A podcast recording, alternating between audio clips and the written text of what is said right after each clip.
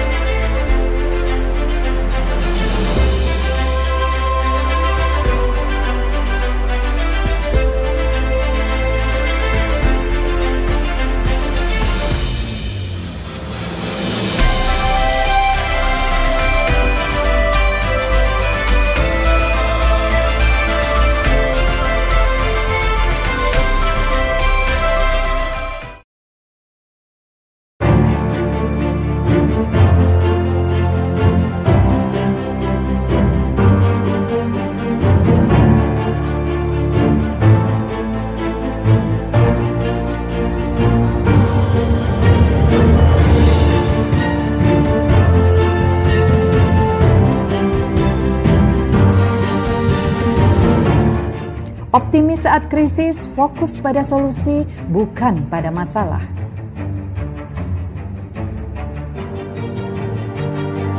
Kerjakan apa yang kamu cintai, hal ini akan membuatmu tangguh karena kamu menciptakan kebahagiaanmu.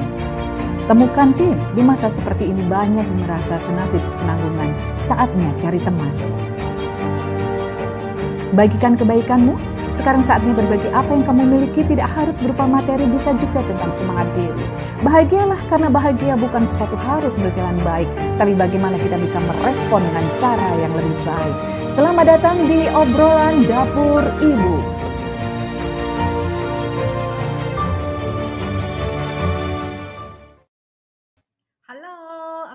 Ibu Indonesia? Selamat berjumpa kembali di obrolan dapur Ibu episode yang ke-55 ya.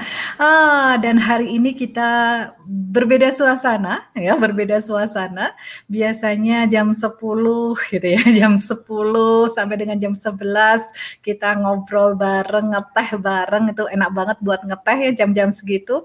Nah, hari ini kita bergeser di Rabu tanggal 26 September 2020 dan nanti Rabu depan juga tanggal 2 uh, 20 Agustus 26 Agustus dan 2 September nanti kita akan uh, bergeser jamnya di jam 15.30 eh siapa tahu ternyata jam 15.30 akan menjadi jam yang sangat menyenangkan buat teman-teman semuanya. Mungkin sudah selesai acara-acara belajar online ya belajar online dengan anak-anak. Mungkin yang dari kantor work from home juga udah selesai work from home-nya. Kemudian relax santai sambil mendengar mendengarkan obrolan dapur ibu. Wah, kali ini kita akan mengambil tema yang agak-agak agak-agak uh, gimana gitu ya sensitif gitu ya sensitif karena urusannya adalah urusan bagaimana kita merawat komunikasi antara menantu dan mertua ada nggak yang punya pengalaman gitu ya yang punya pengalaman yang sampai hari ini di pernikahan yang kesekian tahun gitu ya, tidak lagi di bawah lima tahun, teman-teman masih masih memiliki tantangan yang sangat berat untuk berkomunikasi dengan mertua.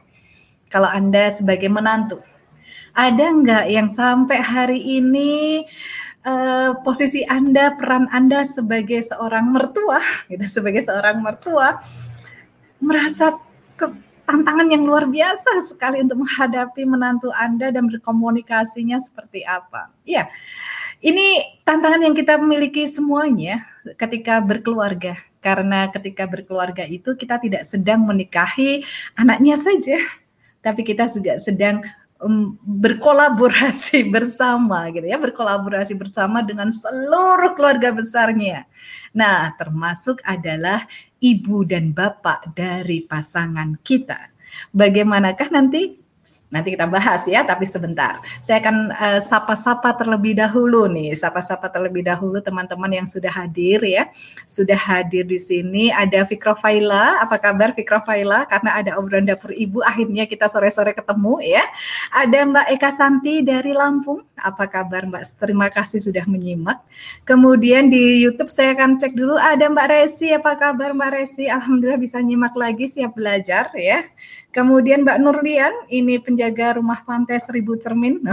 Ya, selamat uh, datang di obrolan dapur Ibu. Kemudian ada Yogyakarta, apa kabar Mbak Septiwana? Setelah sekian purnama nonton live lagi, ada foto Mak Ken ya. Masya Allah miss you. Ya, terima kasih. Kemudian ada Payakumbuh, Mbak Lisa, apa kabar ya Uni Lisa?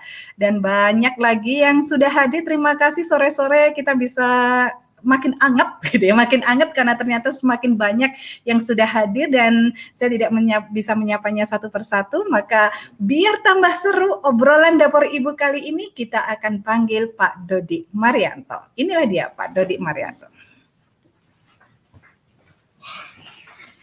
Sore-sore, Pak Dodi. Ya. Assalamualaikum. Waalaikumsalam warahmatullahi wabarakatuh. Edisinya apa nih? Ngeteh atau ngopi nih? Ini edisinya ngopi nih. Kalau jam-jam segini tuh kayaknya enaknya ngopi ya, ya Pak ini mata sudah mulai gini nih. Iya. Kalau ngeteh itu kan ngobrol enteng tentang hidup ya bareng Pak Dodi. Kalau ngopi apa ya Pak Dodi? pahit. Gitu. ngopi pahit. Iya. itu sudah jalan. Mau ngopi dibahas. Ngopi mau dibahas Pahit ya. iya. Pahit gitu Iya. ya. Sepahit hubunganku. Oh, Walah, nggak enak banget gitu ya. Iya. Kalau kalau temanku malah gini, kalau ngopi kok manis, Heeh. itu sirup. Oh itu Gitu, sirup. iya. Kalau ngopi itu harus pahit gitu ya. Cih, Ya Allah. gitu lah. Itu obrolan Aduh. obrolan para lelaki. Ya. Nanti kan buku saya lelaki kopi pahit lelaki. Ya. Ah. Nanti ditagih. Iya, terima kasih. Saya berkabar dulu di Salatiga ya Allah panasnya. Iya. Ini panas kota sekali. Salatiga loh di kaki gunung 480-an DPL Mm-mm, nih di atas DPL, ya. permukaan laut. Itu duduk saja, aduh punggung sampai ke paha saya itu Iya, basah. Betul, betul.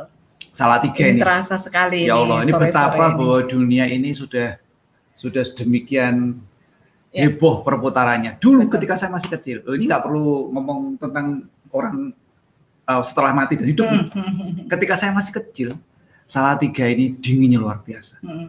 Perjuangan ketika musim Ramadan, bulan sahur Ramadan, gitu ya. sahur itu ada eh ketika bulan Ramadan perjuangan Iya. adalah sahur. Sahur. Bangun sahur itu perjuangan Iya. sekali. Betul. Mata lengket, badan Hmm, menggigil dingin sekali. Sekarang saya bangun sahur itu mandi hmm. Itu tanpa air hangat.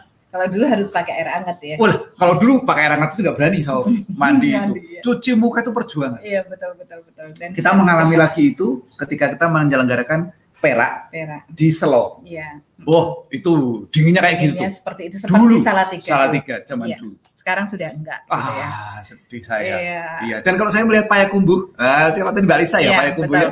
Kalau saya melihat Payakumbuh itu, saya seperti melihat Salatiga di masa lampau, Iya, tata kotanya. Betul betul betul. Tapi itu kira-kira 4-5 tahun yang lalu Mbak Iya. Lisa. Betul.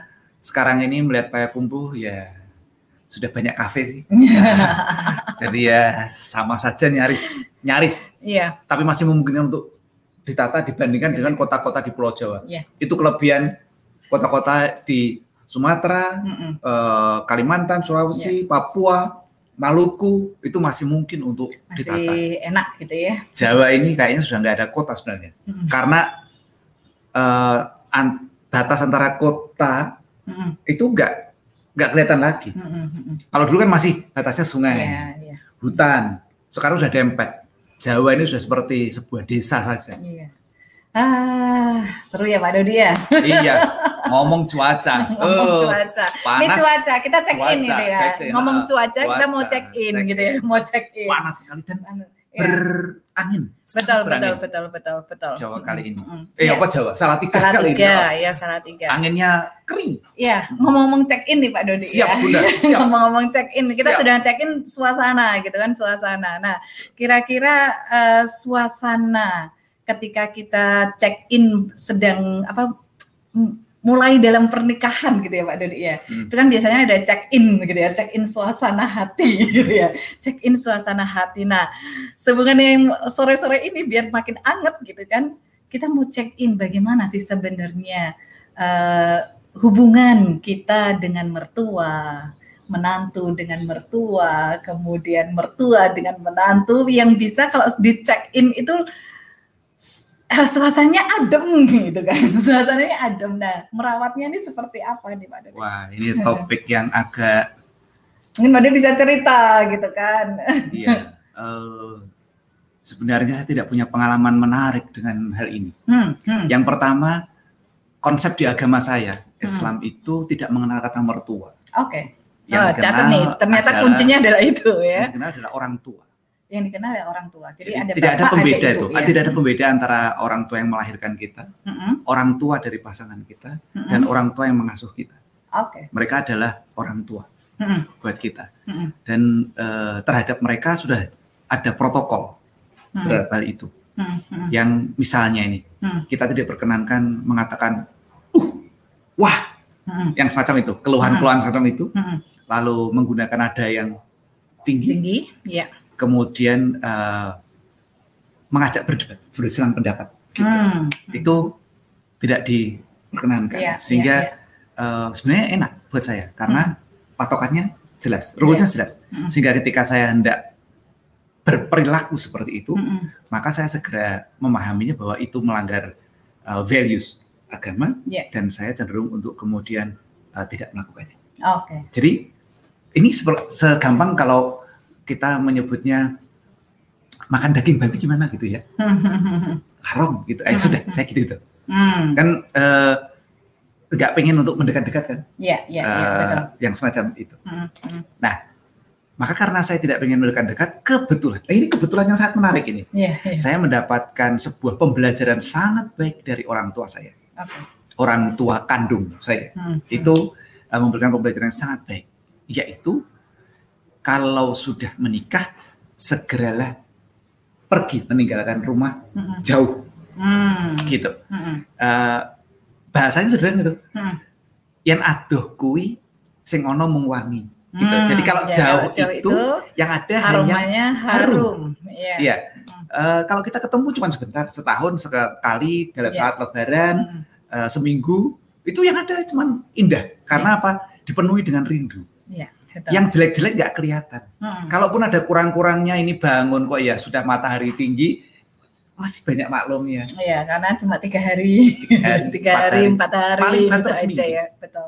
itu bahkan kadang seminggu itu pun bergantian antara di rumahku dan rumahmu kan Mm-mm. Uh, bergantian kita Iya. sehingga Hmm. uh, yang ada memang hanya itu anak-anak boleh nakal-nakal sedikit Mm-mm. karena apa hanya sebentar Iya. tidak berlama-lama hanya tiga hari ya bolehlah kira-kira kalau manjat-manjat dinding manjat-manjat pohon yang semula pohon itu gitu ya. nggak boleh dipanjat Ada- bahkan kadang kakek atau nenek itu bilang ayo ayo ayo panjat panjat sini Ah. kakek tungguin Heeh. nenek tungguin itu tiga hari, tiga hari lewat tiga hari. oh Wah, sudah beda cerita Mulai beda cerita ini. maka ya. kemudian karena eh, saya diajarkan dengan prinsip itu Iya. maka kemudian saya melakukannya Oke. sehingga saya eh, boleh dibilang tidak terlalu sulit untuk melakukan hal semacam itu. Ya. Bahkan ketika misalnya bapak almarhum itu memberikan peringatan keras berkaitan dengan eh, cara saya mendidik anak. Hmm, hmm. Jadi waktu itu ceritanya Enes dan Ara itu belajar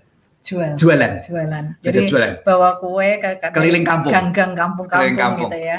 Eh, di Jawa itu jualan itu kategorinya eh, tidak terlalu apa eh, bukan kategori kaum priayi Iya. itu para penjual itu para pedagang Hmm. itu sehingga jualan itu dianggap eh, bukan eh, apa namanya eh, opsi pilihan untuk Hidup. untuk hidup untuk mencari rezeki Untuk yang rezeki saat yang itu ya. sangat mulia dan Hmm. itu di, di Hmm. kalangan orang Jawa Hmm. sehingga ketika Enas dan Ara belajar seperti itu jauh itu padahal. Mm. Ah, kebetulan ketemu dengan paman saya Mm. yang adik kandung bapak yang rumahnya beda RW Mm. dengan saya. Ketemu ya. Ketemu itu. Paman cerita sama bapak. Sebenarnya tidak mungkin tidak bermaksud mengadu. Paman ya hanya bercerita, eh tadi ketemu sama cucu loh. Lagi jualan, jualan. roti, Iya. makanan keliling kampung. Saya Wah, ditelepon. Iya. Ketika itu masih pakai wired telepon itu, Mm, telepon mm, mm. sambungan langsung itu ya.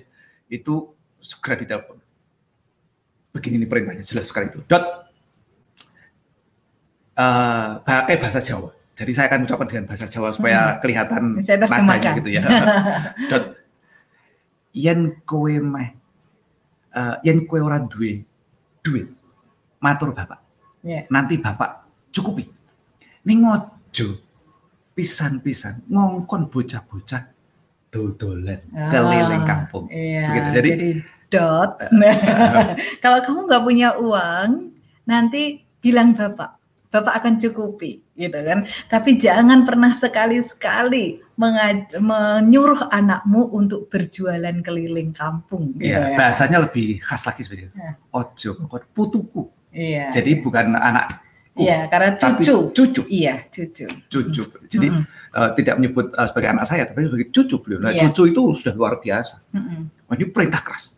Dan ketika itu yang saya kami itu sedang memulai homeschool, itu itu merupakan gangguan yang luar biasa itu. Mm-mm. Karena wah ini jelas eh, sebuah bapak jarang sekali memberikan eh, larangan. Mm-mm. Jadi kalau sudah memberikan sebuah larangan itu artinya saya sudah melanggar sangat. Belok beloknya Beloknya belok banget, tajam beloknya tajam banget gitu kan. Iya. Nah, karena beruntung saya jauh, maka saya hanya menjawab inggih. Hmm. Iya, Iya, iya. begitu. Mm. Dan saya tidak menjelaskan, saya tidak beradu argumentasi bahwa Hmm. itu sedang proses belajar dan sebagainya, tidak. Hmm. Dan karena jauh dan eh, telepon itu mahal, Hmm. maka telepon interlokal itu mahal, maka pendek. Iya. Sehingga saya cukup juga cukup inggih dan saya tidak terprovokasi untuk untuk kemudian beradu argumentasi. Iya. Hmm. Nah, itu beruntung ketika karena saya jauh Iya. dari Betul, orang tua. betul. sehingga eh, hubungan saya dengan ibu bapak saya, baik ibu bapak kandung saya, ibu bapak Septi maupun ibu bapak asuh saya, itu berjalan dengan alhamdulillah tidak banyak eh, gejolak Hmm. dalam etapa etapa itu. Hmm. Hmm. Hmm. Itu pengalaman menarik. Iya, iya, iya. Nah, iya. Etapa gejolak itu justru terjadi ketika akhir-akhir ini, Hmm. ketika kami memilih untuk merapat kepada orang tua. Hmm. Artinya saya dengan sadar uh, mendekat kepada Orang, orang tua. Iya. Ini lebih enak nih karena saya dengan sadar merapat kepada orang tua. Tidak terpaksa. Tidak gitu, terpaksa tidak berada di terpaksa. bersama dengan orang Hmm. tua. Hmm. Nah, ketika saya dengan sadar merapat kepada orang tua, Hmm. maka kami ini memiliki pilihan. Hmm. Pilihannya adalah kami akan tetap bersama dengan orang tua atau kami kemudian kembali menjauh. Oke. Karena situasinya tidak ada keterpaksaan di sana. Iya, iya. Jadi, Hmm. nah mengapa eh, dengan sadar memilih untuk merapat kepada orang Hmm. tua? Karena kami dalam posisi siap untuk eh, mendampingi Iya. orang tua di masa Di masa Sepuhnya. Sepuh ini ya. kami mera- eh, prinsip kemud- prinsip itu kemudian kami pakai eh, kemudian kemudian kami rumuskan. Ini bukannya saat itu keren-kerenan kami. Kemudian kami merumuskannya. Ah, menurut kami nih Hmm. benar.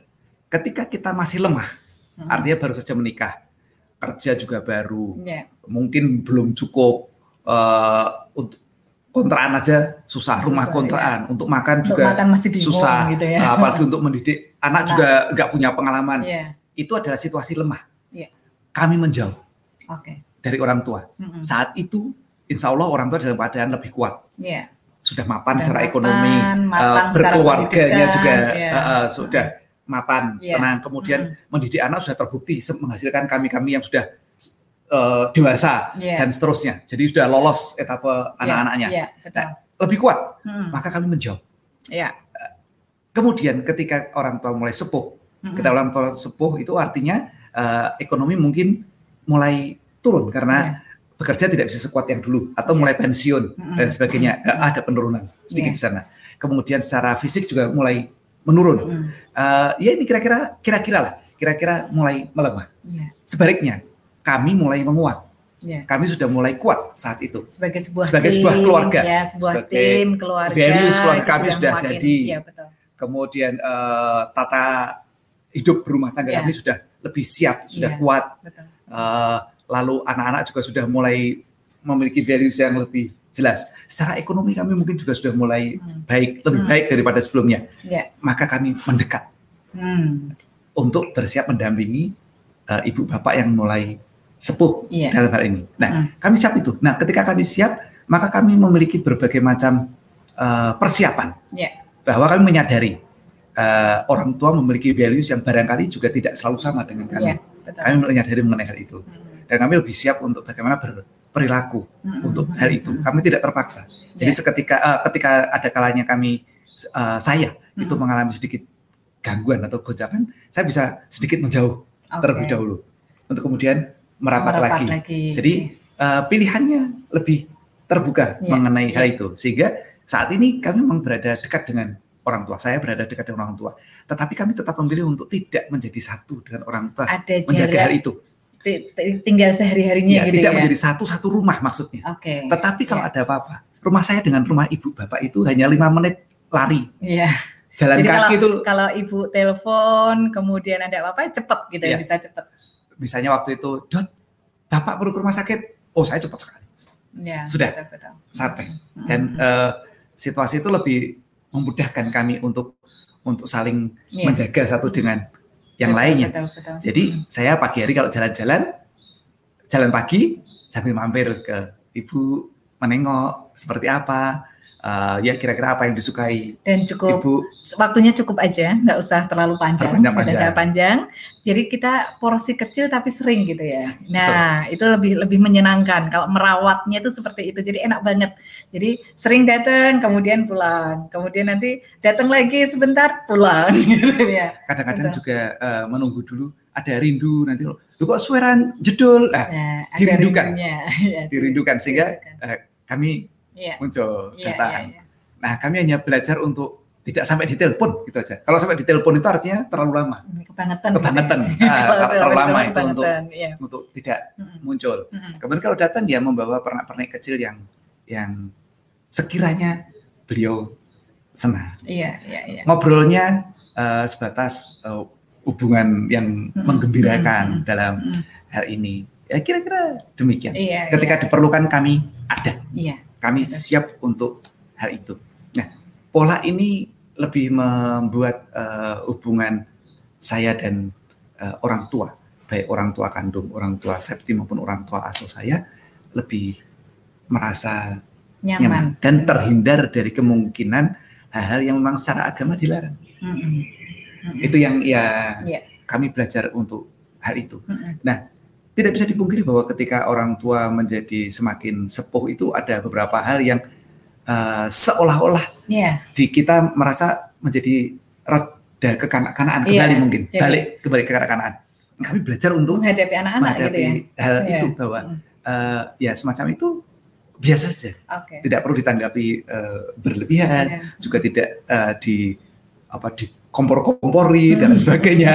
Kalau membicarakan misalkan misalkan membicarakan eh tetangga sebelah dan gini gitu, Iya, iya, kami iya. hanya senyum. Iya, iya, gitu. iya, iya. Sehingga barangkali kami ini bukan termasuk anak yang terlalu enak untuk diajak ngerumpi gitu ya. Nah, kami Nggak belajar asik gitu ya. kami belajar menjaga itu juga karena eh, ibu bapak almarhum saat ini sudah ibu Septi sudah almarhum, bapak Septi sudah almarhum, bapak saya almarhum. Sekarang ibu saya ini Iya. juga eh, perlu bersiap untuk menghadapi etapa-etapa persiapan beliau menghadapi yang maha kuasa. Ini Mhm. normal buat kami. Mm-mm. Ini sesuatu yang yang eh, mesti disiapkan Mm-mm. dan tidak perlu dipandang sebagai sesuatu yang menyedihkan dan lain sebagainya. Iya. Kita perlu dengan sadar menyiapkan diri mengenai hal itu. Nah, karena ibu sekarang ini sudah Yosua 83 masuk ke 84 Iya. bulan Desember nanti insya Allah ibu akan 84 tahun itu usia-usia yang sudah sangat eh, luar biasa untuk Iya. untuk kategori orang Iya. Indonesia di zaman Betul. sekarang ini. Nah, kami juga bersiap agar nanti di dalam etapa-etapa akhir beliau ini semakin banyak amalan untuk untuk eh, membuat perjalanannya eh, baik dan nyaman Iya. sampai akhirnya nanti. Iya. iya. Itu merupakan salah satu eh, kewajiban yang saya saya letakkan pada diri saya sendiri. Iya. Sebenarnya ya tidak diharuskan, Iya. tapi saya meletakkannya pada diri saya Berarti sendiri. jelas ya, eh, catatannya adalah ketika kita sudah menikah, ternyata kita memiliki empat orang tua. Ya, itu Setidaknya. setidaknya gitu Iya. ya. Kita memiliki empat orang tua. Itu yang perlu ditempatkan di posisi pertama gitu ya. Iya. Bahwa tidak ada yang namanya mertua, kemudian orang tua kandung dalam mindset kita kan gitu kan biasanya kalau kayak gitu kan jadi berubah gitu kan Mengapa saya bilang setidaknya? Iya. Karena saya meletakkan orang tua asuh saya pada golongan orang tua. orang tua ya. Iya. Jadi itu semua adalah orang tua. Orang tua. Iya. Sehingga tugas kalau tugas Pak Dodi adalah eh, menjaga nih, menjaga semua orang tuanya, semua orang tuanya. Tugas saya adalah eh, memudahkan gitu, memudahkan jalan Pak Dodi untuk menjaga orang-orang tuanya gitu. Sehingga tidak ada lagi gini, eh, tidak ada lagi gini, apa namanya kok kok ke ibumu terus sih nggak ke ibuku gitu. Nah, terjadinya kan seperti itu kadang kan kita kalau kita merasa bahwa itu Ibumu ibuku dan ibuku. dan ibumu gitu kan. Ibuku dan ibumu, orang bapakku dan bapakmu. Ini orang tuaku dan orang tuamu. Nah, ini akan terjadi eh, kayak nggak adil, kemudian kok ke sana terus, ke sini terus. Nah, ketika sudah menjadi ini orang tua kita, gitu ya. Orang tua kita itu menjadi lebih mudah gitu, menjadi lebih mudah untuk untuk menempatkan diri kita ya.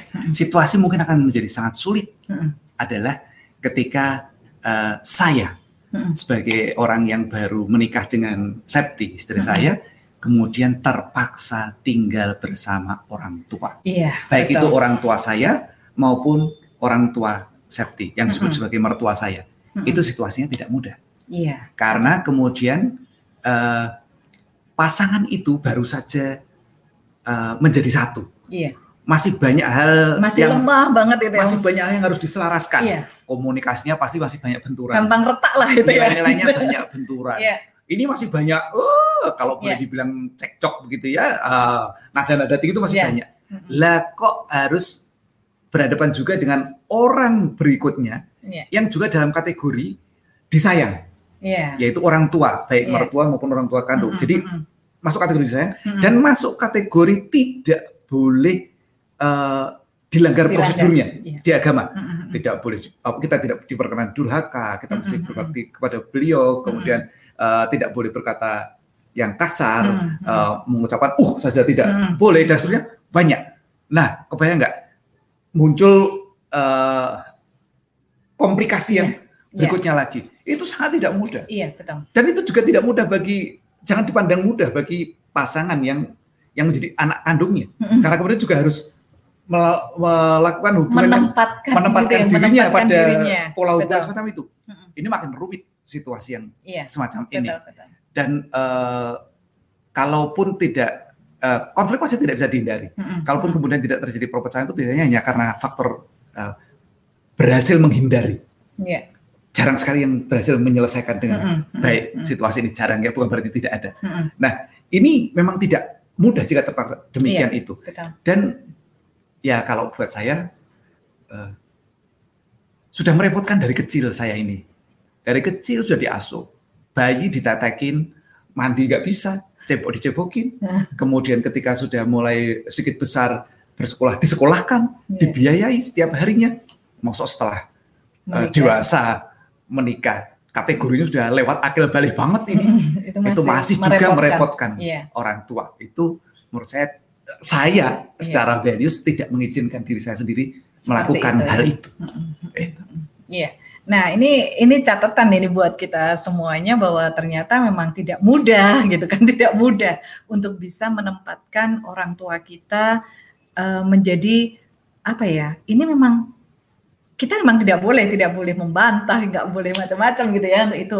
Kemudian kita menjadi pribadi yang oke, kuat dulu lah gitu ya. Ya. Karena kalau kita sendiri nggak kuat gitu sebagai sebuah tim itu bisa jadi posisi saya memposisikan kalau saya menantu gitu ya menantu memposisikan Pak Dodi ini Pak Dodi Masnya kan bingung kalau saya berselisih paham dengan ibunya, gitu kan? Ketika saya berselisih paham dengan ibunya, loh ini perempuan dua-dua perempuan ini yang sama-sama harus kami jaga, harus dijaga oleh Pak Dodi.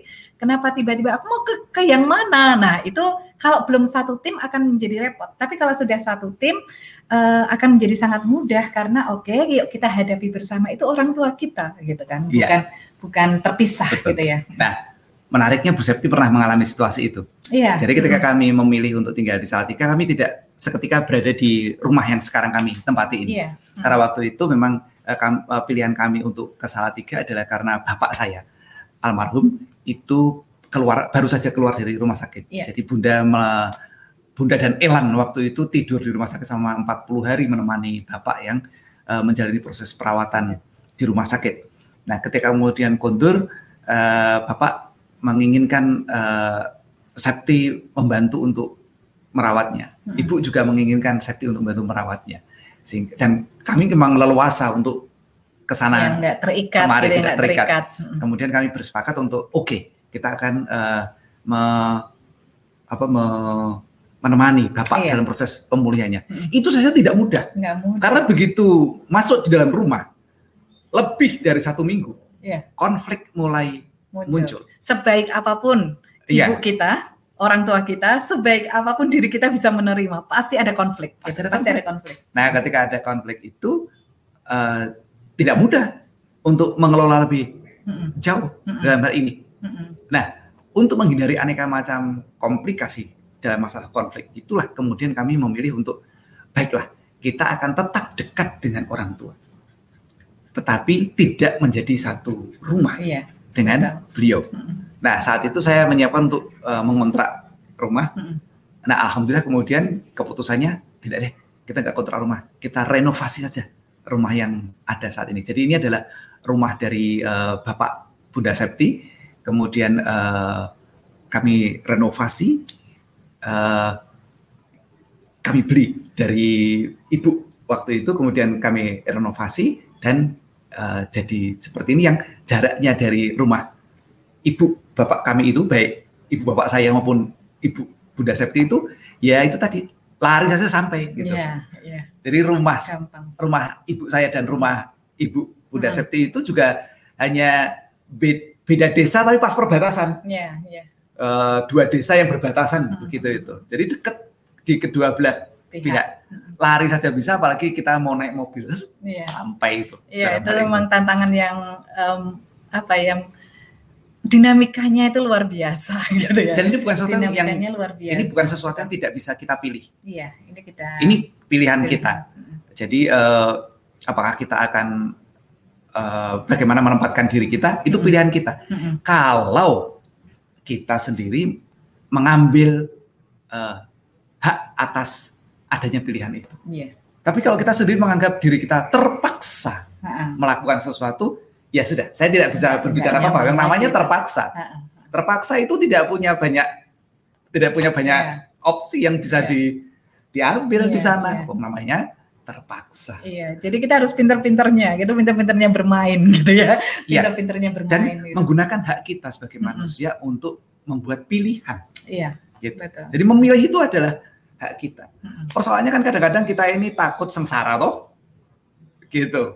Jadi nanti kalau nggak sama hidup eh, nggak tinggal bersama orang tua, nanti kita mau makan apa? Loh, masya Allah. Malah kita me, me, apa, mengingkari apa eh, kemaharahman dan rohiman Allah iya, dalam iya, hal ini. Iya. Itu kan eh, keterlaluan. Malah ini lebih parah lagi dalam hal ini.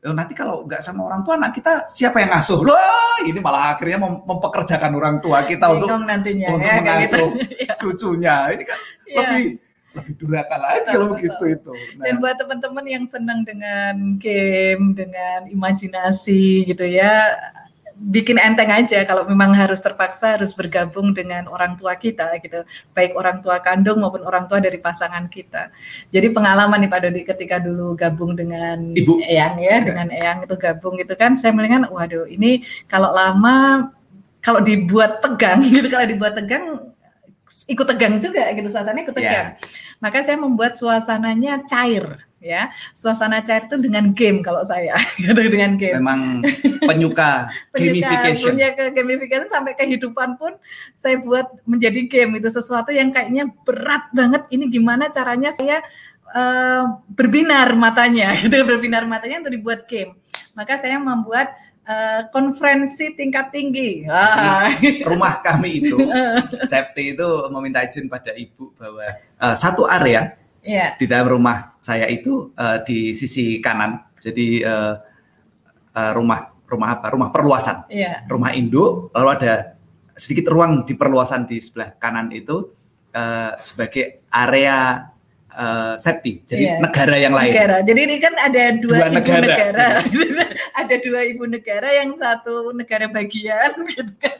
Yang satu utama gitu yeah, kan. Yeah, itu utama. Indo, Makanya Indo. saya konferensi dulu antara ibu negara. Kira-kira wilayah mana gitu kan. Wilayah mana yang diizinkan saya dan anak-anak untuk bereksplorasi gitu.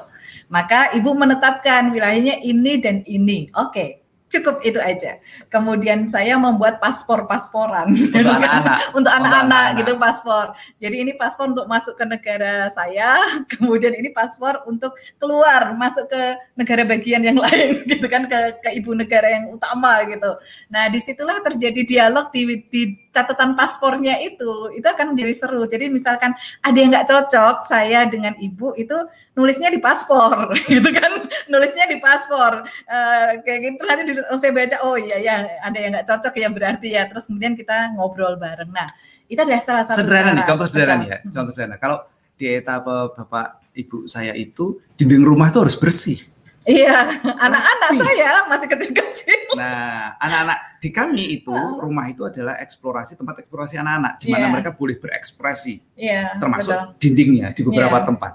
Maka kemudian yang itu kan nggak bisa klop ini. Yeah. Sementara ketika tinggal dengan ibu bapak, saya juga tidak menginginkan anak-anak tertekan kreativitas dalam Betul. berekspresinya. Mm -hmm. Maka kemudian kami meminta izin area mana yang boleh, boleh yeah. untuk anak-anak tetap uh, mm -hmm. heboh dengan corak-corak. Itu Diizinkan untuk kotor lah, gitu yeah, ceritanya. Yeah, yeah. Uh, untuk berantakan, mm -hmm. begitu yang dengan anak-anak. Sehingga uh, anak-anak juga paham kalau di sini be boleh begini, kalau hmm. di sana ikuti tata tertib dari eyang. Dari eyang, ya, ya gitu. gitu. Jadi itu, itu sembali belajar values, belajar adab, adab ya, gitu belajar ya, adab itu, ya. dalam hari ini ada bertamu. Ya, jadi saya punya badge gitu kan, saya stempel, stempel, stempel gitu. Jadi kalau misal dia sudah mematuhi yang di sana di stempel slot, kalau mau masuk sini maka harus mengikuti aturan yang ada di klub. Jadi anak-anak itu bingung juga sih sebenarnya gitu kan. Ini ibu negaranya yang mana gitu tapi suasananya dibangun seperti itu sehingga menyenangkan gitu. Seperti dan sekarang ketika saya menjadi punya menantu gitu kan, saya anggap juga saya tidak punya menantu, saya punya anak. Semuanya adalah anak gitu, semua anak. Kemudian saya buat forum-forum aja gitu, buat forum-forum yang menarik gitu dengan menantu gitu dengan menantu bahkan kita uh, ibu punya waktu ngedit bareng ya sama menantu iya, ya. Ada datingnya. Jadi kalau sudah beberapa urusan berkaitan dengan medsos, medsos gitu, itu saya ngedit khusus dengan menantu saya gitu dengan anak uh, uh, suami dari NS gitu kan suami dari NS tuh udah pokoknya yuk kita waktunya ini dan saya kasih nama antariksa. Jadi menantu saya terus tanya bunda kita antariksa kan? Iya antariksa. Gitu. Antariksa itu adalah antara maghrib dan isya gitu antara maghrib dan isya itu yang dulu ngobrol waktu bareng, untuk ngobrol gitu. bersama dengan anak-anak uh, sekarang dipakai untuk ngobrol dengan menantu, menantu. demikian sederhana sekali. Yeah anak menantu itu kan datang setelah mereka dewasa bukan? Iya, betul. Mereka dewasa. Jadi kita juga perlu untuk uh, menyelaraskan yeah. values yeah. dalam keluarga kami ini mm -hmm. dengan sosok yang hadirnya itu belakangan. Yeah. Mm -hmm. Agar nanti ya pasti adalah kerikil dalam yeah. perjalanan itu. Karena besar uh, di tempat lain ya, gitu ya. Akan semacam itu. Mm -hmm. Nah, kami berusaha untuk melakukan uh, aneka upaya untuk yeah. menyelaraskan tata nilai yeah. dalam hari ini mm -hmm. supaya uh, tidak ya mungkin ada gangguan tetapi bisa kedua belah pihak. Yeah. baik uh, pihak anak kandung saya maupun anak menantu saya ini bisa menghadapi dengan tata nilai yang serupa. Yeah. tata nilai yang sama karena sering ngobrol ya akhirnya. diobrolkan harus diobrolkan. dan saya memulainya dengan sesuatu yang ringan. Ringan tuh gini loh. Misalkan uh, biar si anak menantu ini merasa itu adalah anak saya juga gitu. Jadi misalnya, Mas, kamu kalau lapar pusing ya sama kayak Bundo. Kamu berarti keturunan Bundo itu gitu kan itu. Jadi oh, sama sesuatu yang sama-sama kecil-kecil itu dia oh itu lama-lama tuh dia merasa aku ini sebenarnya anak siapa ya gitu kan. jadi mana akan, ulang tahunnya sama persis dengan anak lelaki saya. Iya, jadi ya sudah itu akan menjadi apa ya? Menjadi sesuatu yang menarik ya. jadinya. Oke. Okay. Artinya apa? Cari mulailah dengan mencari hal yang sama. Iya. Jangan mencari hal yang berbeda. Iya mulailah dengan hal yang sama itu untuk kemudian uh, mempersiapkan diri menghadapi aneka macam perbedaan. Yeah. Jangan menunggu perbedaan itu menyeruak menjadi yeah. sesuatu yang menggelisahkan, Betul. baru kita ngobrol yeah. di sana. Iya. Aduh Pak Dodi sudah 40 menit ternyata. Oh. ternyata obrolan menantu mertua itu seru ya. Iya. Silahkan teman-teman uh, tulis ya di komen yang ada di chatting ini untuk bisa kita obrolkan bareng. Kalau teman-teman memiliki tantangan gitu ya, tantangan dan belum tentu juga bisa kami menjawabnya karena mungkin kami tidak, tidak punya, punya pengalaman. pengalaman gitu kan. Maka supaya saya agak tenang, saya tak minum kopi iya, saya. ini kita lihat yang satu ini dulu ya. Ya, oke. Okay sesuatu yang baru akan berbeda dan dia akan merubah apa yang sudah lama terjadi di sekitarnya. Ketika kita ingin mengubah sesuatu, kita cenderung berbeda dan itu terkadang mendatangkan perasaan bersalah. Tapi jangan lupa, tidak akan ada kemajuan tanpa sebuah perubahan. Yuk kita berkenalan dengan sosok wanita pemberani yang tidak lelah melakukan hal-hal baru. Bersama Enes Kusuma, kita akan membahas bagaimana sih cara kita berani mengekspresikan diri. Dipandu oleh host Adin. Oh ya, This Is Me pindah jam tayang. Catat ya, setiap Kamis jam 15.30 waktu Indonesia Barat hanya di IPedia TV. Iya. Alah ini kok ya pas menantu kita muncul wajahnya di sini. pas banget. Ini etapenya Enes. Besok. Oke. Okay, besok okay. sore, besok sore akan ada This is me. Ya, This is me. Enes atau Pandu ini? Enes. Enes. Ya, Enes yang akan berbicara bagaimana menjadi dirinya gitu. Jadi ketika menjadi dirinya memang pertama harus menjauh, kemudian Eh, berbeda dengan pola asuh yang diberikan oleh ibunya ke dirinya. itu, iya. itu nanti besok ya jam setengah empat di acara This Is Me di IPedia bersama Adin. Oke. Okay. Eh, boleh dong ditanyakan yang si Ciloro telu. Mana si Ciloro telu? Oh iya Mbak Novia, yeah. Sarah si Ciloro telu, Astane Sedeku Mirnake Bu Septi. Ini adalah salah yeah. satu uh, tata hmm. belajar zaman dahulu kala. Iya. Yeah. Ketika saya sekolah masih kecil itu siji loro telu mirengake guru menawa didangu yeah. astane sedeku gitu yeah, ya betul betul itu tata cara belajar dan kemudian ketika anak-anak saya sekarang ini uh, proses belajar kami menggunakan tata tata cara yang berbeda yeah. ibu saya kan kepala sekolah yeah, itu yeah. sehingga dengan tata cara yang lama, lama. sehingga loh sinau kok melayu-melayu yeah. belajar kok lari-lari yeah. itu enggak cocok yeah. belajar itu harus duduk ini saja nanti bisa menimbulkan tantangan itu tantangan tersendiri ya, perdebatan. Kalau diperdebatkan, yeah. maka kemudian karena kami memilih menggunakan tata cara yang berbeda, lebih mudah ketika bapak dan ibu saya tidak melihat bagaimana cara saya melakukan aktivitas sehari-hari, yeah. karena memang berbeda. Yeah, Nah, supaya tidak menimbulkan perdebatan yang tidak diperlukan, hmm. sehingga kemudian ketika bapak ibu saya melihat anak-anak itu sudah tidak sudah kira-kira jadi, gitu ya. Yeah. Oh, kok ya apa ya, oh ya yeah. bagus ya iya. hasil yeah. dari pendidikannya itu walaupun mungkin berbeda dan tidak cocok, tapi beliau bisa menerima yeah. karena hasilnya sudah terlihat. terlihat. Kalau yang dulu ini gimana ini uh, bisa bisa dipertanyakan. Betul, betul. Apalagi pakai kata-kata homeschool segala itu. Oh loh, apa, gitu. apa ini gitu. Iya. Iya. Dan saya tidak bisa mengatakan lo dulu Haji Agus Salim juga melakukan homeschool, Apa Bapak itu? Ibu. Oh, nggak bisa. Makin ditentang Tetap nanti. nggak bisa. Ya, betul, betul, Jadi daripada kemudian banyak beradu argumentasi, memang lebih nyaman kalau uh, uh, dengan saya memilih tinggal jauh seperti yeah. itu. Oke, okay. ada pertanyaan nih Pak Dodi. Ya, uh, dari Mbak Ulfa Hajar Munawarah, apa kabar Mbak Ulfa? Gimana cara Bu Septi mengkomunikasikan metode gamifikasi di rumah itu kepada ibu mertua? Iya, jadi memang tidak tidak semua ibu kan memang uh, pendidikan yang lama ya, pendidikan zaman dulu kan tidak yang namanya kehidupan itu ya serius gitu ya. Kemudian belajar itu juga duduk manis serius gitu. Nah, kemudian ketika saya menyampaikan ini adalah proses gamifikasi, saya tidak akan menyampaikan ke ibu bahwa ini proses gamifikasi. Nanti nggak nyambung gitu. Opo kui. Nggak nyambung Oh, gitu, makin Apa itu? makin makin jauh gitu kalau Ya, jangan menggunakan terminologi yang Iya, tidak terminologi yang nggak dimengerti. Saya cuma gini, eh, itu tadi saya bilang ke anak-anak. Jadi yang yang paham tentang game itu adalah anak-anak, gitu kan, yang anak-anak dan suami. Maka saya bilang, ibu mau konferensi tingkat tinggi antar ibu negara, gitu kan? Itu ke anak-anak gitu. Sebentar ya, gitu. Kemudian anak-anak itu melihat gitu bahwa ibunya itu berakting, kemudian eh, bertemu dengan eh, ibunya, dengan eyangnya, gitu, dengan eyangnya. Kemudian saya, ibu, eh, saya meminta memang bicara baik-baik, gitu, bicara baik-baik. Kira-kira wilayah mana bu yang saya bisa bereksplorasi dengan anak-anak? Itu pertama kali, itu pertama kali dulu. Duh, lah nopo gitu kan? Lah kenapa kok ada? Iya biar kami nyaman gitu. Kami kita ibu dan saya sama-sama nyaman. Ini demi cucu loh bu. Waduh, itu harus kata-kata. Ada kata-kata itu. Ya, perhatikan itu. Bukan demi menantu. Kalau sudah demi cucu, eyang Iya. itu biasanya akan oke. Iya. Gitu. itu kalimatnya harus gitu demi cucu loh bu gitu oke ya wes yuk yuk yuk gitu yang ini yang ini terima kasih bu gitu ada terima kasih pulang yes gitu kan itu udah ke, ke, ke, ke kamar karena kami di kamar gitu kan Tanya, tanya, tanya. Iya. Waktu ngobrol itu, Mm-mm. ibu melakukan ngobrolnya di mana? nah ngobrolnya di meja makan Itu.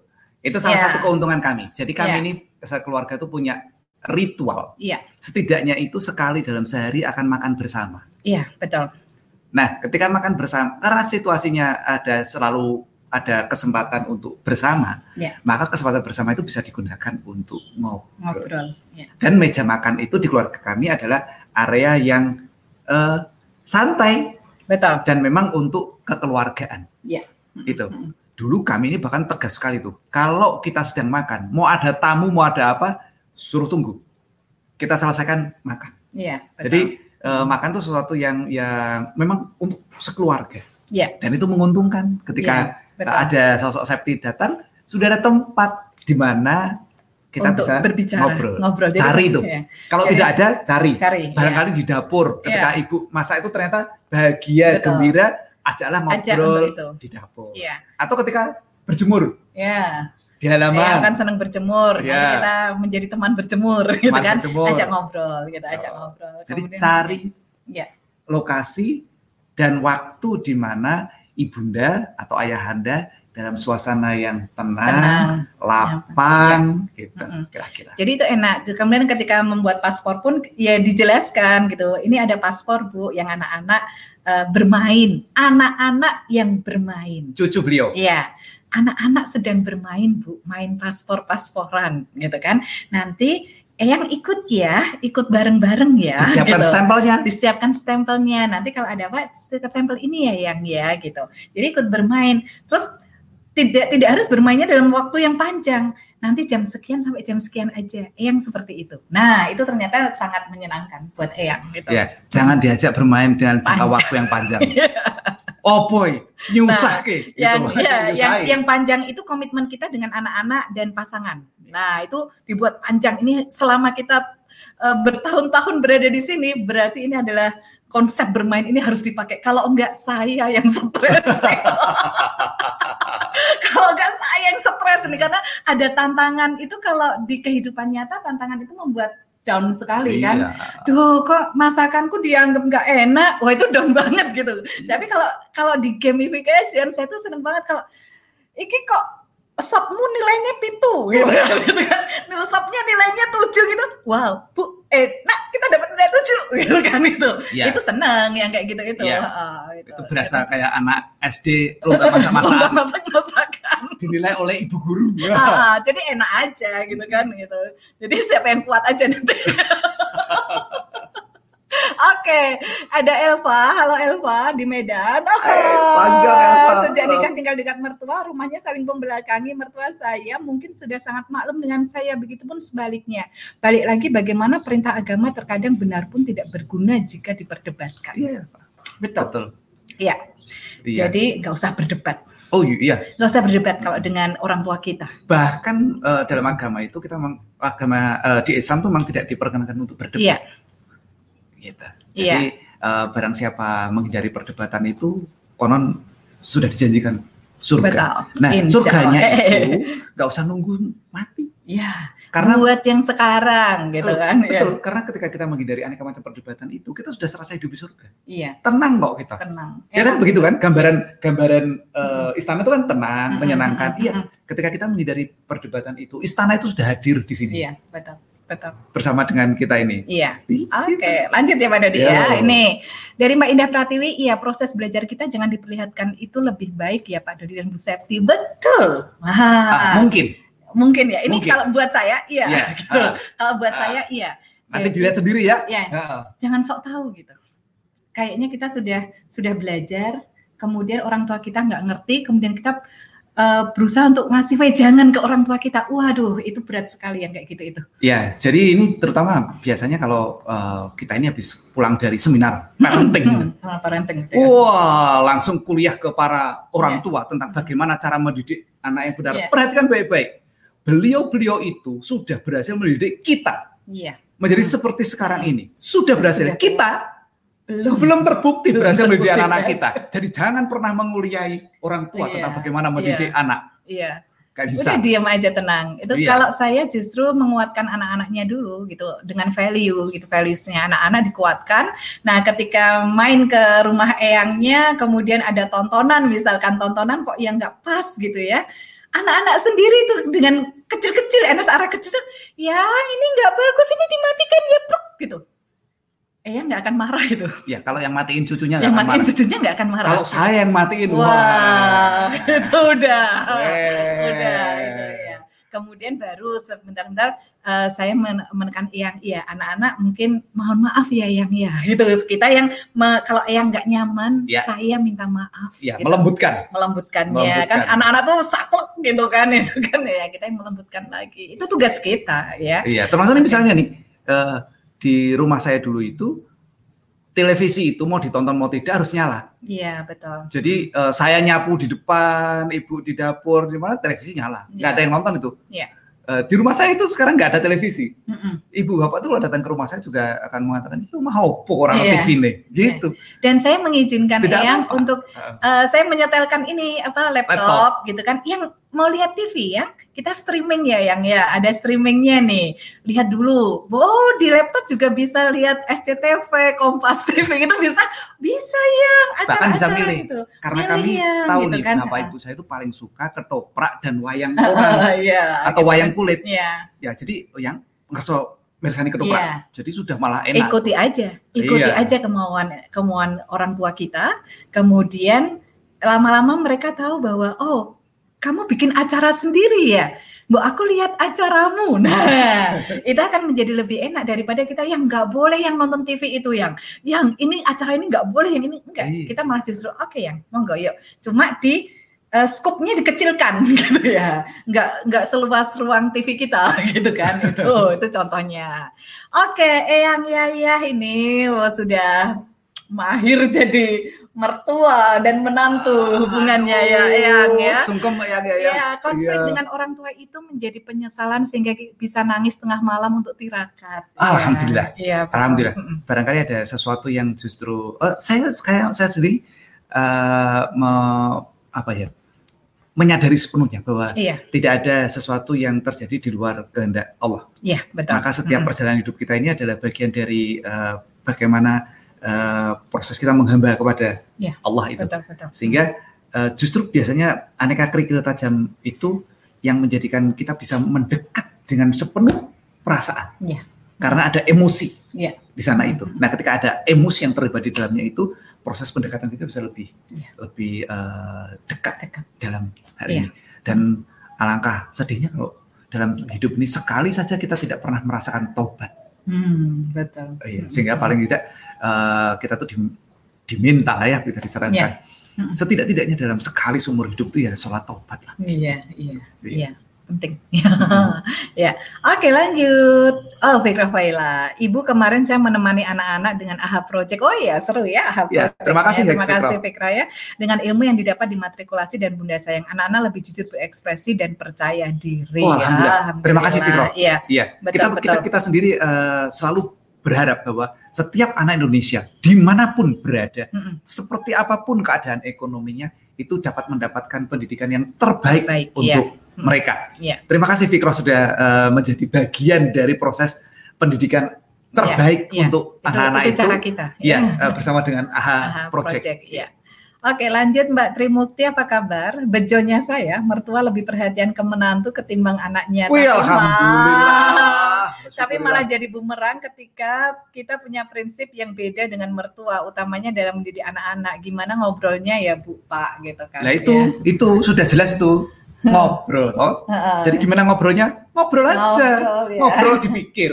ngobrol kok dipikir Iya. gitu ya. Ngobrol itu dikerjakan saja, ya ngobrol. Iya, iya, iya. Gitu. iya. Nah, tinggal mencari tadi waktu di mana beliau itu merasa tenang, Tenang. lapang betul. dan terbuka. Mm-mm. Barangkali sambil cabut-cabut rumput, kalau beliau suka dengan tanaman, Mm, iya, barangkali sambil memberi makan ikan, iya. kalau beliau memang suka dengan Mm-mm. aneka macam eh, Mm-mm. peliharaan ikan, Mm-mm. barangkali di dapur sambil masak. Mm-mm. Kalau memang beliau di sanalah merasa nyaman, nyaman.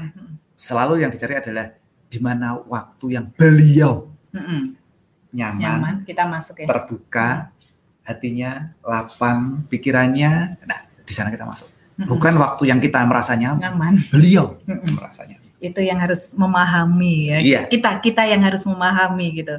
Kita memahami karena memang eh, tidak dan konsepnya tidak bisa menjelaskan ya Pak Dodi, Tidak bisa. Itu Tidak bisa. nggak bisa kalau menjelaskan. Ngobrol, memang ngobrol. ya, ngobrol. Iya. Itu mulai dari ibu tanamannya bagus banget, terus mulai itu kalau Pak Dodi Sama sekali nggak fase gitu. ya, petani anyaran gini nih. Nggak ngerti nggak ngerti tentang tanaman. Eh ngobrolnya dimulai dengan tanaman. Hancurlah reputasi. Gitu kan.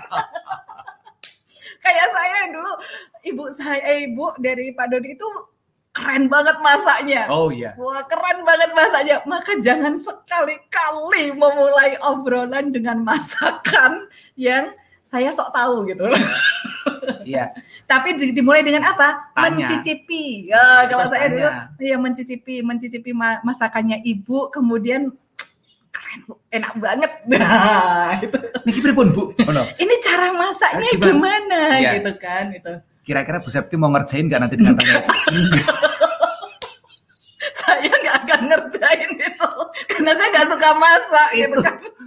Dijelaskan dengan detail nanti balik kanan itu semua yang dijelaskan udah lupa itu tetapi itu membahagiakan Iya, untuk betul. ibu ibu bahagia sekali ketika bahagia sekali. sederhana masakan beliau dihabiskan oleh anak-anak dan cucunya Mm-mm. habis tandas itu ibu bahagia sekali Iya. jadi kami kalau setiap kali datang ke sana itu bergembira sekali menghabiskan aneka ma- masakan ibu karena masakan ibu enak sekali Iya. Mm. masakan yang sudah ber minggu-minggu yang lalu pun tetap enak kalau dari ibu Iya, itu iya. bahkan makin enak Iya. kalau masakan orang Jawa itu Iya. Maka apa pun yang keluar dari dapur ibu itu harus enak dan enak banget, gitu. dan kebetulan alhamdulillah Ya, emang enak, iya iya, gitu kan itu. iya. Ya, jadi ya kita harus pinter-pinter. Jadi ambil topik yang jangan sampai memalukan lah di depan orang tua kita. ya apa bodohnya jangan banget banget gitu Bodohnya jangan banget banget gitu dan saya merasa lebih senang kalau merasa kalau di dapur gitu saya lebih senang dengan di dinilai sebagai anak yang nggak ngerti apa-apa soal Ah, masakan soal masakan tuh nggak ngerti. Ini nggak ngerti bu. Yang ini saya juga nggak ngerti bu. Tapi jangan banget-banget ngomong nggak ngerti terus. Gitu. Ini bodoh banget sih bu Joni Dodi gitu kan. Itu. Oke lanjut. Mbak Yeni apa kabar? Lama banget nggak ketemu kita ya. Kasih semangat Bu Septi kema karena saya sekarang menemani ibu yang sakit demensia. Oh, iya iya ya Alzheimer dan ada di suatu titik saya kewalahan secara emosional. Iya Mbak, pasti. Karena karakter ibu berubah drastis, kadang ketakutan, menangis, marah-marah dan tidak bisa ditinggal. memang Punya ada ya. eh, dengan Iya. sahabat saya apa, eh, Ada pengalaman ini. saya yang dekat sekali Betul. Eh, memang ada etape nanti eh, terjadi apa luapan emosi yang Iya, betul. luar biasa dan biasanya luapan emosi yang luar biasa itu disertai juga dengan fisik yang menjadi Iya, bertambah kuat luar biasa. Nah ini wow sudah emosi yang uh, uncontrollable dan fisiknya kuat. Ini kan iya. luar biasa, nggak Itu punya capek, fase-fase di situ ya, nggak punya capek sama sekali. Sementara kita atau Mm-mm. Mbak Yeni dalam hal ini barangkali uh, sebentar aja pasti akan kewalahan kalau Iya. meng- menghadapi situasi Iya. yang semacam itu. Betul. Saran saya adalah sederhana sekali. Saya tidak bisa memberi saran karena kami bukan uh, Mengalami langsung gitu. yang sedang Iya. mengalami itu. Iya. Ada kawan-kawan yang membangun komunitas para Caregiver, caregiver. para caregiver ini adalah Caregivernya para Alzheimer, pendamping pendamping. uh, orang tua, saudara Mhm. uh, atau keluarga Iya. yang uh, di, disertai dengan Alzheimer, Alzheimer. ini. Mhm. Bergabunglah dengan komunitas itu. Iya. Barangkali bukan untuk mendapatkan aneka macam solusi, karena solusi itu saya yakin Mbak Yeni juga sudah Sudah punya. paham mengenai hal itu tuh. Mhm. Tetapi bisa saling berbagi perasaan, berbagi pengalaman, releasing emosi ini, Iya. itu akan sudah sangat eh, menolong. Iya. Nah, kawan-kawan ini secara rutin bertemu untuk saling menguatkan, Iya. Eh, melepaskan kepenatan secara emosional dan eh, menguatkan satu dengan yang lainnya di dalam mendampingi keluarga yang Iya. sedang eh, menjalani etapa Iya. Alzheimer ini. Jadi kalau Mbak Yeni kalau Namanya kalau, komunitasnya itu komunitas Alzheimer, komunitas Al Alzi. Jadi eh, komunitas Alzi. Alzi gitu Iya. ya Alzheimer itu ada ada ada komunitasnya dan ketua komunitasnya saya kenal sahabat saya sehingga Mbak Mbak Yeni mungkin bisa gabung nanti di Jakarta untuk bisa ketemuan dengan caregivernya gitu ya. Dengan para caregivernya itu sangat sangat membantu sekali. Jadi kalau saya memang dan Pak Dodi tidak punya pengalaman langsung tapi sahabat Pak Dodi seperti itu dan di saya adalah eh, bule saya. Paman jadi Ya, paman yang menjadi sekarang caregivernya. paman sekarang jadi caregivernya ketika gabung bersama gitu menjadi releasingnya enak gitu kan. Dan itu menjadi gini kalau nanti mungkin bisa ketemu dengan paman saya itu paman saya itu juga gamification-nya keren banget gitu kan. Gitu. karena tuh ngeliat eh, kalian manggilnya le le kok kuat banget sih le gitu ya ini kan aku ke perawat gitu kan jadi eh, me- me- apa memposisikan dirinya rumah sakit rumah sakitan gitu jadi tidak melihat eh, apa namanya istrinya itu sebagai istri tapi sebagai pera, sebagai pasien dan ini adalah perawatnya. Nah perawat itu kan nggak boleh marah gitu kan, nggak boleh marah harus profesional menjalankannya gitu. Nah ternyata kuncinya ada di situ. Kalau kalau sebagai suami dan sebagai istri sudah stres pasti karena sudah bertahun-tahun ya, sudah bertahun-tahun seperti itu. Jadi nanti eh, bergabung saja Mbak Yeni ya. Iya, Eh, Betul. beliau-beliau yang ada di komunitas itu pasti lebih valid eh, Cari aja. Ya. obrolannya Mm-mm. dibandingkan kami. Iya betul betul betul. Aduh, sebentar. Satu terakhir Oke. Ada ya? Oke, dari Mbak Kolovins Channel, oh Kolovins Channel, bagaimana memberi pengertian pada anak-anak bila anak-anak sudah terlanjur nggak cocok sama mertua karena merasa sejak dulu mertua tidak suka sama anak-anak bahkan pernah bertengkar. Wah. Barangkali perlu untuk menjauh terlebih dahulu ya, betul. karena eh, tidak mudah untuk memberitahu kepada kedua belah pihak. Iya. Eh, lebih baik nanti ketika sudah menjauh itu barangkali akan mendapatkan eh, aha momennya, Iya. di mana ada masa-masa yang sangat menyenangkan, sangat menggembirakan pada Iya. kedua belah pihak. Iya. Nah, moga-moga aha momen terhadap masa-masa yang menyenangkan itu Iya. akan menarik yang lainnya, Mm-mm.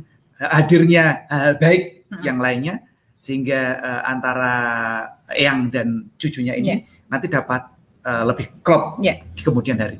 Tidak selamanya sesuatu yang eh, sulit diatasi di awal sekarang menjadi terus seperti itu dan tidak bisa diselesaikan. Iya. Saya yakin selalu ada etapa di mana segala sesuatu bisa menjadi lebih baik. Iya, Nah. betul. Diperlukan ini ini nggak bisa dengan ceramah, Iya, nggak bisa dengan menjelaskan ke kiri, nggak bisa dengan menjelaskan ke kanan. Harus ditemukan titiknya etapa ya. titik itu Iya, dan akan lebih mudah ketika muncul dulu rasa rindu di Iya. sana dengan cara menjauh Iya. terlebih dahulu. Dan catatan untuk yang terakhir, kalau kita tidak cocok dengan mertua kita, dengan orang tua dari pasangan kita, jangan diomongin ke anak-anak. Itu sebagai penghormatan kita bahwa itu adalah ibu dari pasangan kita. Nah, itu itu karena berefeknya panjang banget gitu. Ya, pertama, berefeknya panjang pertama banget. bisa itu sebagai penghormatan, tetapi lebih dari itu Mm-mm. adalah untuk memberi contoh atau me- me- me- mengajarkan adab kepada anak-anak Ya. bagaimana berperilaku terhadap orang tua. Iya. Mm-mm. Jadi kalau kita nanti itu, mohon maaf ya, ngomongin orang tua kita di depan anak-anak, Mm-mm. tunggu saja suatu saat kalau mereka kemudian sudah dewasa dan kita menjadi tua, barangkali kita juga akan punya kemungkinan diomongin seperti itu. Karena apa? Mm-mm. Karena begitulah orang tuanya mengajarkan kepada mereka Iya. dahulu kala. Iya, betul. Jadi bagaimana Hmm. kita berperilaku kepada orang tua itu adalah sebuah proses yang yang akan menghadirkan eh, kemungkinan seperti itu pula lah nanti anak-anak memperlakukan kita Iya. di kemudian hari. Iya. Karena contohnya mereka lihat sehari-hari. Iya. Terima kasih teman-teman sudah satu jam di sore hari ngopi bareng kita di obrolan dapur ibu. Aduh, Tidak terasa tidak ya. terasa.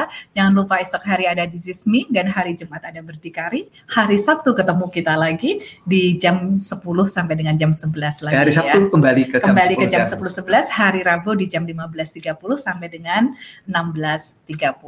Oke, terima kasih untuk teman-teman dan eh, terakhir mungkin eh, perlakukanlah orang tua kita sebagaimana kita ingin diperlakukan kelak oleh anak-anak kita.